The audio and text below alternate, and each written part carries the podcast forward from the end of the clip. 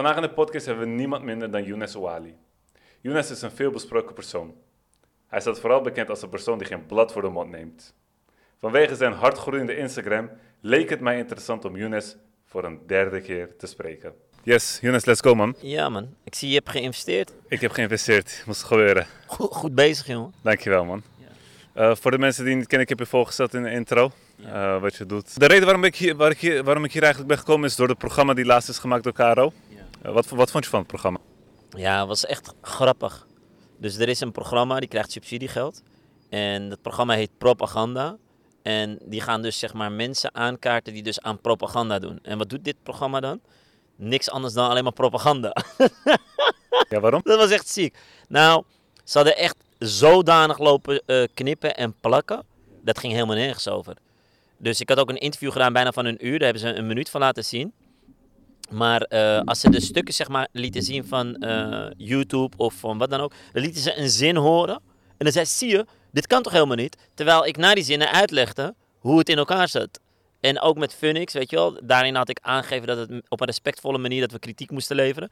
En dan lezen ze alleen maar het beginstukje op van, yes jongens, het is gelukt. En dan vertellen ze daarvoor dat, het, dat die man allemaal bedreigd was en weet ik wat allemaal. Terwijl beneden had ik het over, bijna alle reacties waren positief. Echt heel veel. Zelfs YouTube was tegen die programma. Dus het was niet iets van alleen maar mensen die allemaal boos waren en uh, agressief waren, wat dan ook. Dus ze gingen zodanig een bepaalde beeldvorming kweken. Dat was echt te goedkoop. Kijk, als je iemand wil aanpakken en je wil iemand echt vuren, dan moet dat op basis van feiten. Want dat is fucked up. Want feiten, daar kun je niet tegenop. Kijk, net als nu ik, ik ga zo meteen naar mijn kantoor. En dan ga ik een filmpje maken en dan laat ik gewoon heel makkelijk aan iedereen zien hoe smerig en goedkoop ze te werk zijn gegaan. Ze hebben geen eens de moeite gedaan om het een beetje professioneel te doen, begrijp je?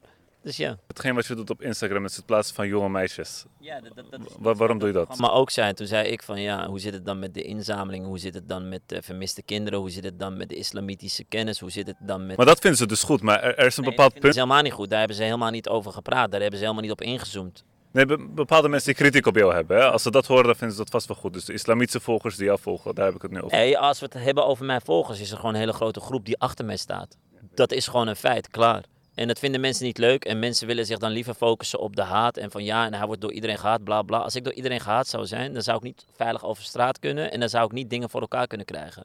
De reden waarom mensen achter mij staan, en het zijn mensen die mij niet altijd mogen, is omdat datgene wat ik zeg, dat is niet iets wat ik vind. Dat is meestal vanuit de islam zo. En daar staan mensen achter. En dat is de waarheid. Begrijp je? Ook al vind jij mij een klootzak, als jouw rechtvaardigheidsgevoel heel hoog is en jij hoort dat ik de waarheid spreek, dan kun je tegen mij zeggen, en dat hoor ik ook trouwens vaak, je bent een vieze maar je hebt wel gesproken. Snap je? En helaas tegenwoordig wordt er niet meer gewerkt met waarheden. Alles is leugen, alles is een illusie, alles is nep, alles is fake en dat is tegenwoordig wat draait. Ja, ik niet, ik hou er niet van. Ik hou nog van het uh, old school, je weet gewoon waarheid. Al doet hij lekker pijn, lekker ah. ik snap je, maar, maar ik weet niet of het de rest van haar leven uh, zal achtervolgen. Wat ik wel weet is dat ik uh, filmpjes deel die de maker zelf heeft gedeeld of gepost. En waarom deel je ze? Om te laten zien ook van oké, okay, uh, hoe andere mensen hier naar kijken. Want het probleem is van die jonge meiden, ze posten iets en um, er wordt leuk op gereageerd. Begrijp je?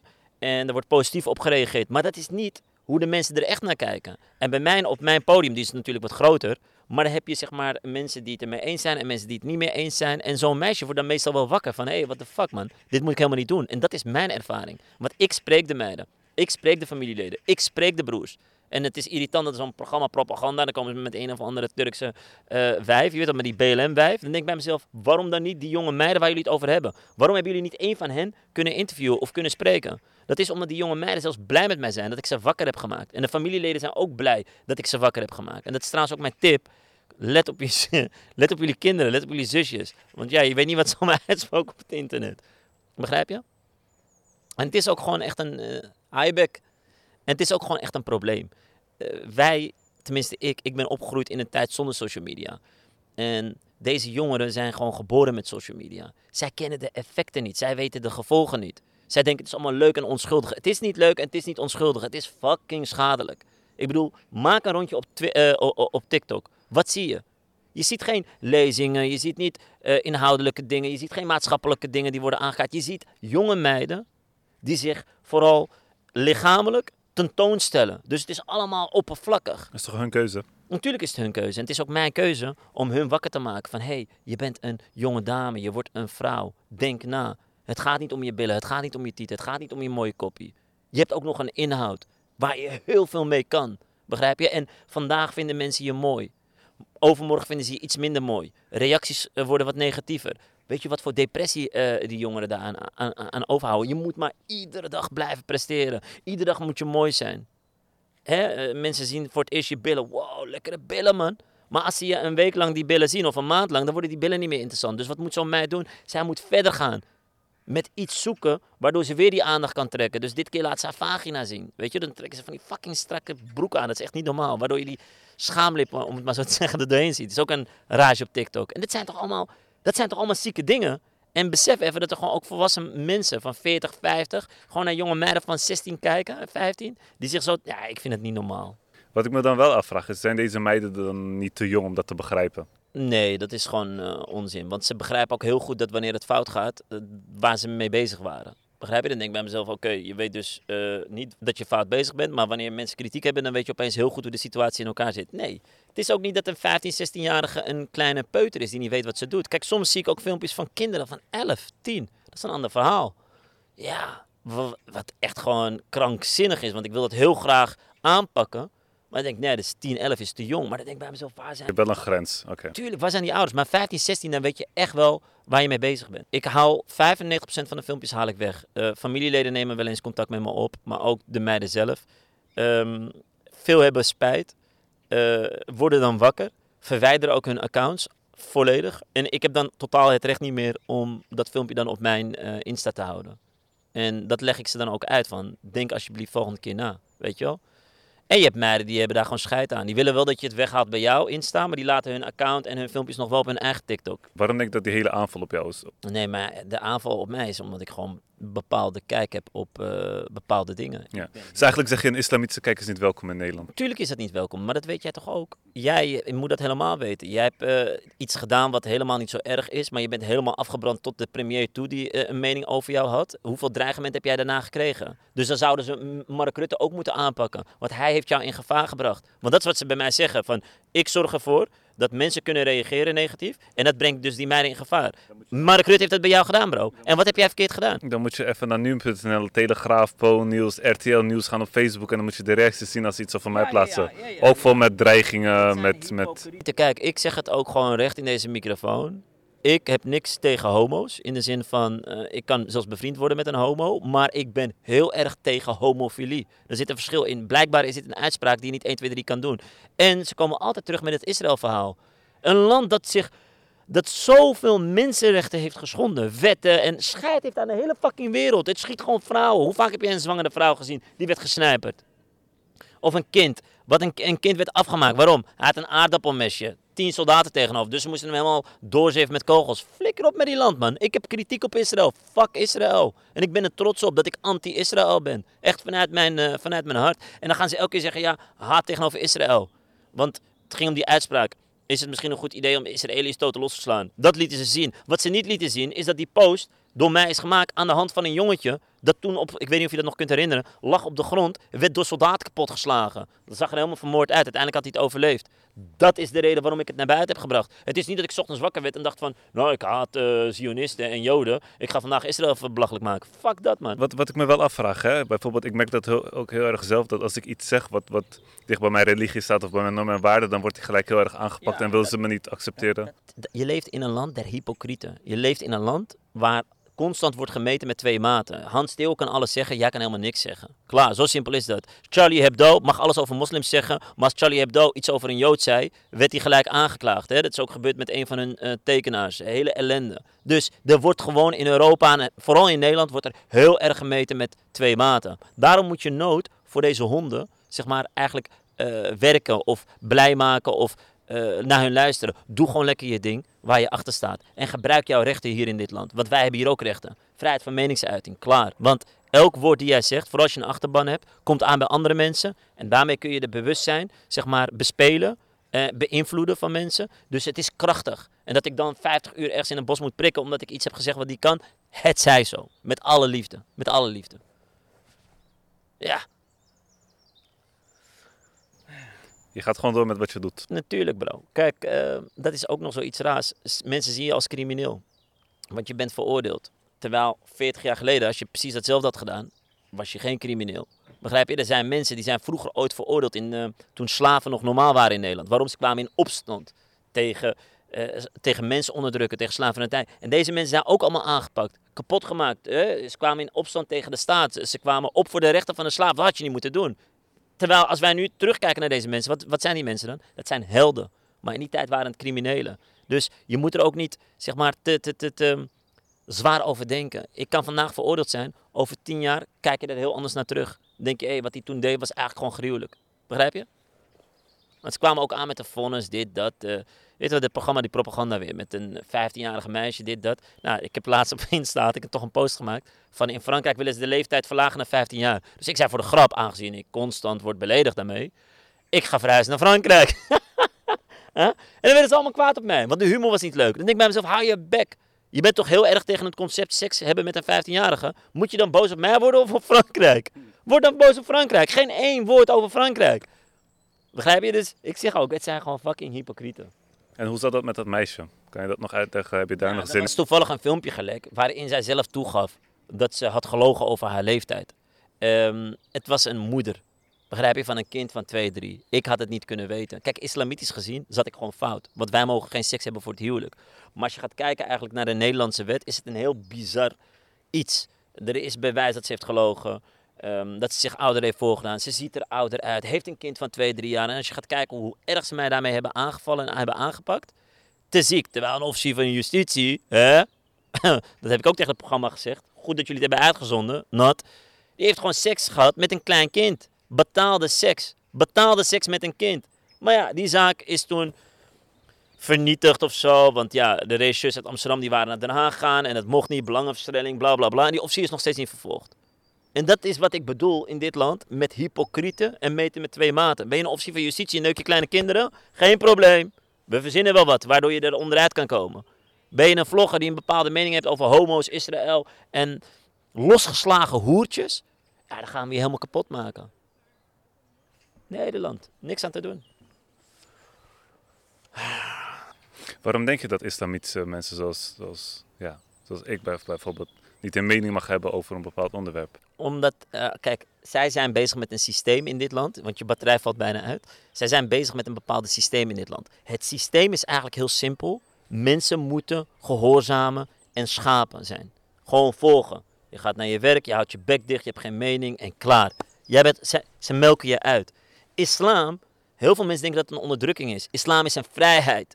Wat kan jij tegen iemand doen die oprecht gelooft in Allah subhanahu wa ta'ala en zijn boodschap. Je kunt er helemaal niks tegen doen. Sluit hem op, maak hem af, martel hem. Hij zal blijven lachen, want hij weet, ik ga naar Allah subhanahu wa ta'ala toe. Het zit goed met mij. En mensen die dan op zo'n manier, zeg maar, hun geloof beleiden, zijn vrij. Valt niet te onderdrukken. Zij knielen, maar niet voor de staat, niet voor de rechtbank, voor niemand niet, voor Allah subhanahu wa ta'ala. En dat, dat, dat angst hun, ja, dat boezemt hun angst in. Dat willen ze niet. Begrijp je? Een oprechte moslim kan nooit een schaap zijn. Is geen volger. Hij is een volger van de profeet en een volger van Allah subhanahu wa ta'ala, maar niet van, eh, van de elite. Ja, Je krijgt ook vaak de reactie van, eh Younes, je hebt kritiek op anderen, maar je bent zelf ook niet perfect. Nee, dat klopt. Maar je hoeft ook niet perfect te zijn om kritiek te uiten. Ik vind het raar. Er is, er is niemand op aarde geweest die perfect is. En dan, als jij rookt en jij ziet jouw neefje roken, mag jij hem dan niet aanspreken van hé, je moet niet roken, want het is slecht. Het is juist goed.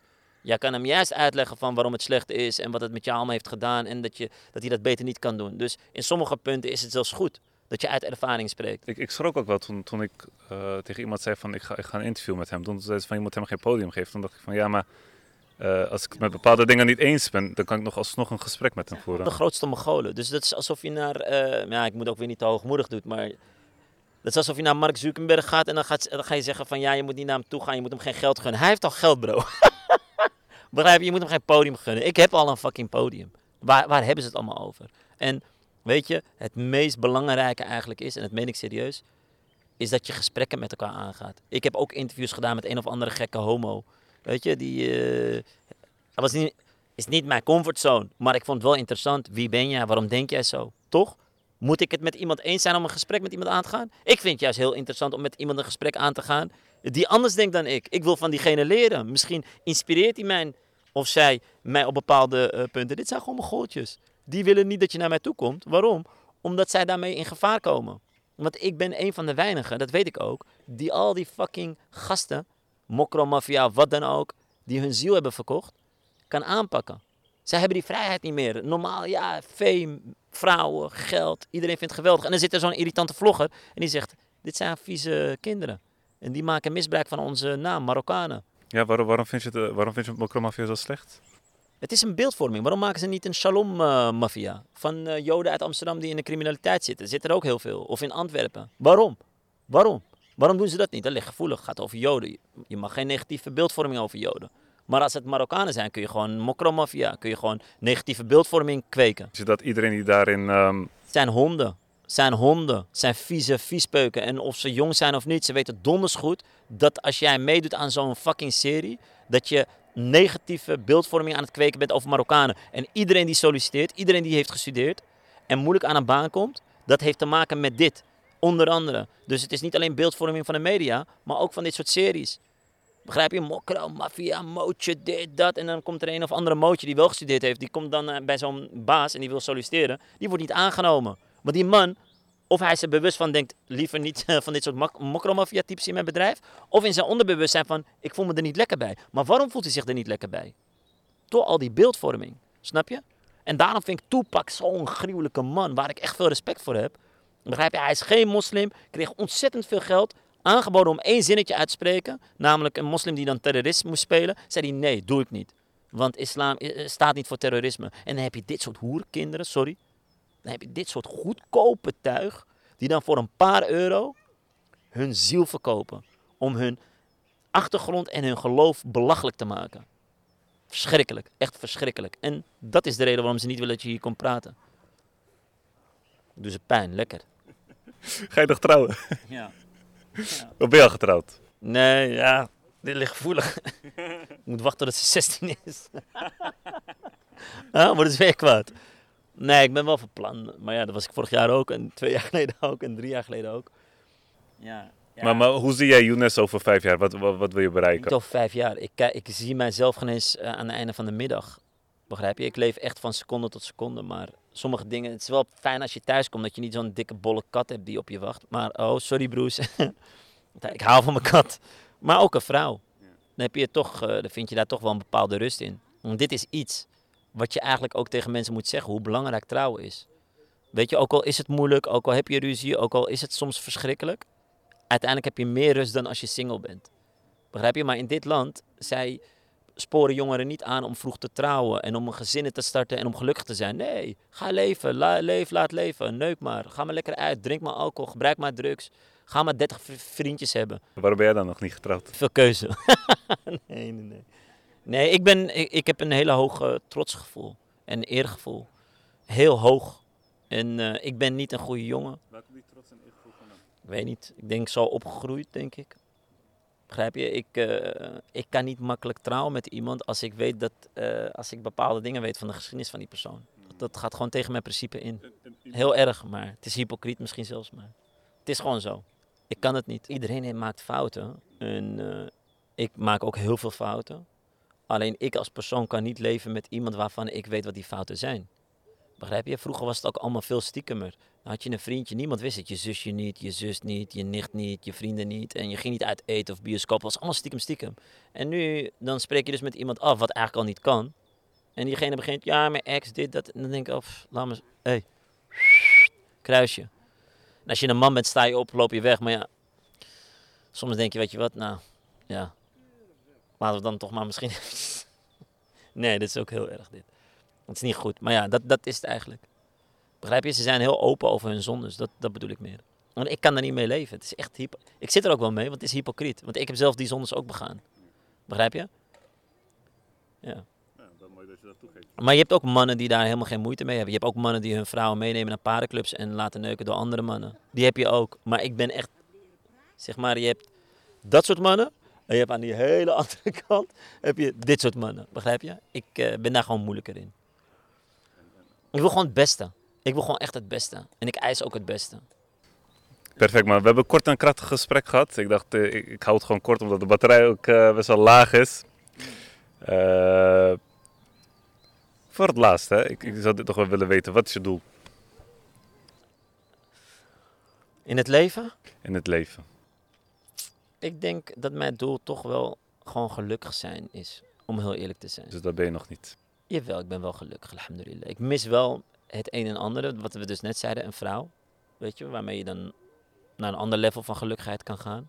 Maar ik sta 's ochtends op, man. Ik ben wel blij, ik drink mijn koffie, ik heb mijn gezondheid. Ik leef, ik heb tijd. Je, je eet buiten, maar vooral tijd. Wij, wij, wij leven nog, bro. Wij leven nog. Wij kunnen nog, zeg maar, eh, dingen doen. Zoals bidden. We kunnen nog de Ramadan, inshallah, doen. We kunnen echt nog veel dingen doen om ons plekje daarboven, zeg maar, eh, veilig te stellen. In, weet je, en het besef alleen dat ik nog tijd heb, of dat ik op dit moment, zeg maar, in de tijd zit, dat maakt je eigenlijk al heel gelukkig. Vooral als je wat ouder wordt. Kijk, ik ben nu 36. Dus dat besef je meer, hè? Kijk, jij bent 24? 23. Dan ben je nog wat jonger, dan ben je nog wat meer van ik wil dit en dat bereiken en ik wil dit en dit nog voor elkaar krijgen. Snap je? Dat heb ik allemaal niet meer. Ik heb het allemaal voor elkaar. nee, ik ben echt, eh, ik ben er klaar. Ik ben echt gelukkig. Ja, voor, voor de mensen, ik denk dat de mensen dat ook wel afvragen. Van, wat doe je eigenlijk om, om je financiële kosten te bekostigen? Ik ben gewoon fucking slim eigenlijk. Laten we eerlijk zijn. Ik ben wel intelligent, toch? Ja, nou precies. En ik kan jullie één ding vertellen van intelligente mensen met heel veel lef. Daar moet je geen zorgen maken als het gaat om financiën. Die zijn heel goed met risico's. Die zijn heel goed met dingen ondernemen. En dat doe ik ook. Dat heb ik altijd al gedaan. Dus financieel gezien was het voor mij eh, nooit echt een... eh, maar het is natuurlijk ook van alles subhanahu Risk komt van hem. Ik, ik wil je bedanken, man. Ik vind het altijd wel eh, tof om mensen te kunnen spreken die andere mensen niet kunnen spreken. Je staat ervoor open om een gesprek met mij aan te gaan. En eh, thanks voor je tijd. En, en ik zie je snel weer, Inshallah. inshallah. Assalamu alaikum trouwens voor alle lieve kijkers die hebben gekeken. Ciao, dankjewel voor het kijken. dat ze jou moeten abonneren? Ja, ik doe dat niet meer echt. Ik, ik doe gewoon nu video's maken en voor... Gruwelijk. Nou, abonneer maar mensen, aangezien je het niet meer doet. Ciao, ciao.